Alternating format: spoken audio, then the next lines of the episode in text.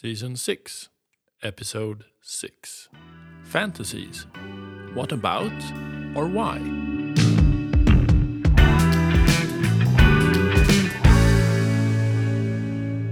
In um, reading up about this subject and uh, checking out the research, most researchers seem to be interested in what we fantasize about the content and the actual activities. Uh, not so many people wonder why we have fantasies.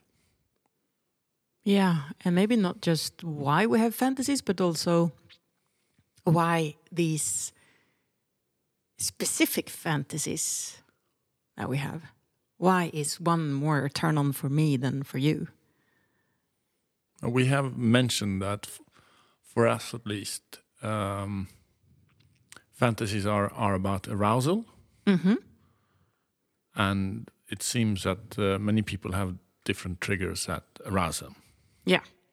And there's one researcher whose uh, name is Jack Morin. And he talks a lot about something that he calls the erotic mind, which is the name of his book as well. I can recommend the reading of that, The Erotic Mind. And he talks about how you come back to fantasize about things that you have experienced actually. So he calls that that sometimes in your sometime at a point in your life you have experienced your peak erotic moment so far. And you always come back to that one.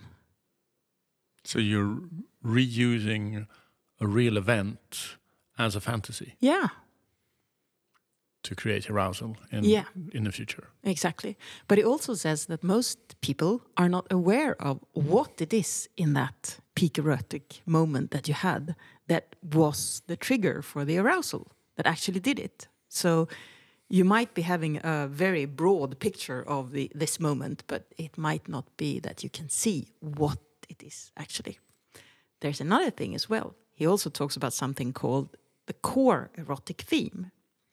So you might have lots of fantasies, which might differ in the details and the settings or persons involved or whatever.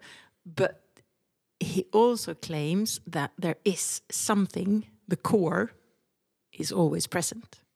So when you can find this core, it can actually help you solve lots of problems, if there are problems, of course. So he finds, he distills it down to the to the major part that really creates arousal. Yeah. And for many people, that is, uh, or his clients that he talks about, for them, it is kind of a almost a hallelujah moment.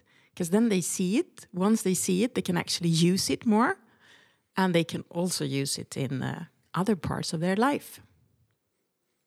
But he's a psychiatrist and he, he works with people that have had sexual problems and perhaps. Yeah, and he helps them them dig out this this key thing, yeah, uh, which then usually gives them uh, better awareness and and uh, makes them feel better. exactly. But there can also be clients who come to see him that doesn't have a sexual problem, but where he can use his their uh, core erotic theme to actually solve the problem in their life. So it's a bit interesting, but we're not going to dive deeper into it right now. But uh, But part of this is then that fantasies can actually be real life events that you reuse mm. for for arousal, mm. and they don't have to be crazy or far out or extreme. It could just have been a a, a, a very nice sexual activity you had with your spouse, whatever, uh, on a holiday or a normal normal weekday, whatever. Yeah, but you really had a, a nice feeling that day. And, and to get back into that feeling you can think about that mm. Um, and paint up different pictures, different fantasies that all include this arousing moment for you without actually being aware of that specific core. So it's good. So you reuse your sexual experiences, fantasies as well. They don't just have to be imaginatory, uh, non realistic things that you fantasize about.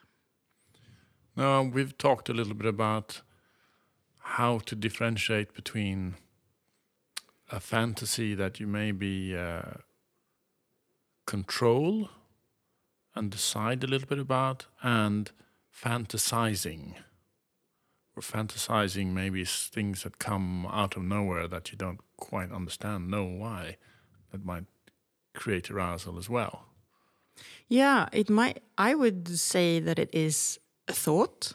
You can have a thought which just pops up, like you said, it comes out of nowhere. And that could be a fantasy of sex, but you might not be able to perceive it like that. Or you actually go into an activity where you sort of dive into this and work with the fantasy. On purpose. On purpose, yeah. And controlling it, as you say, where it goes and takes you. So, like, yeah, it's an activity.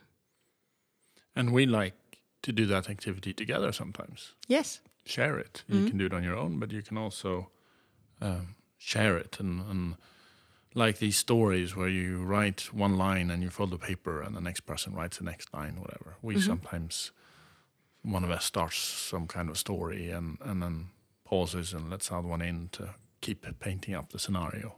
Yeah. And this this thought that can appear, I mean, I can have them quite often. We can just be out on a dog walk and there pops up a number plate, a license plate with something on it, and I'm like, boop, there came a active thought. Yeah, it can be small, silly things that just remind you of something. Yeah. So, whatever you're fantasizing about or why you fantasize, just allow yourself and your partner to do this because it creates arousal for you. And that's a good thing, right? Welcome it aboard. Welcome it in. Yes. And play with it maybe in your mind and see what it does to you. Yeah. Okay. I think that's all we have to say about what and why. There is more to dive into if you want to. Bye.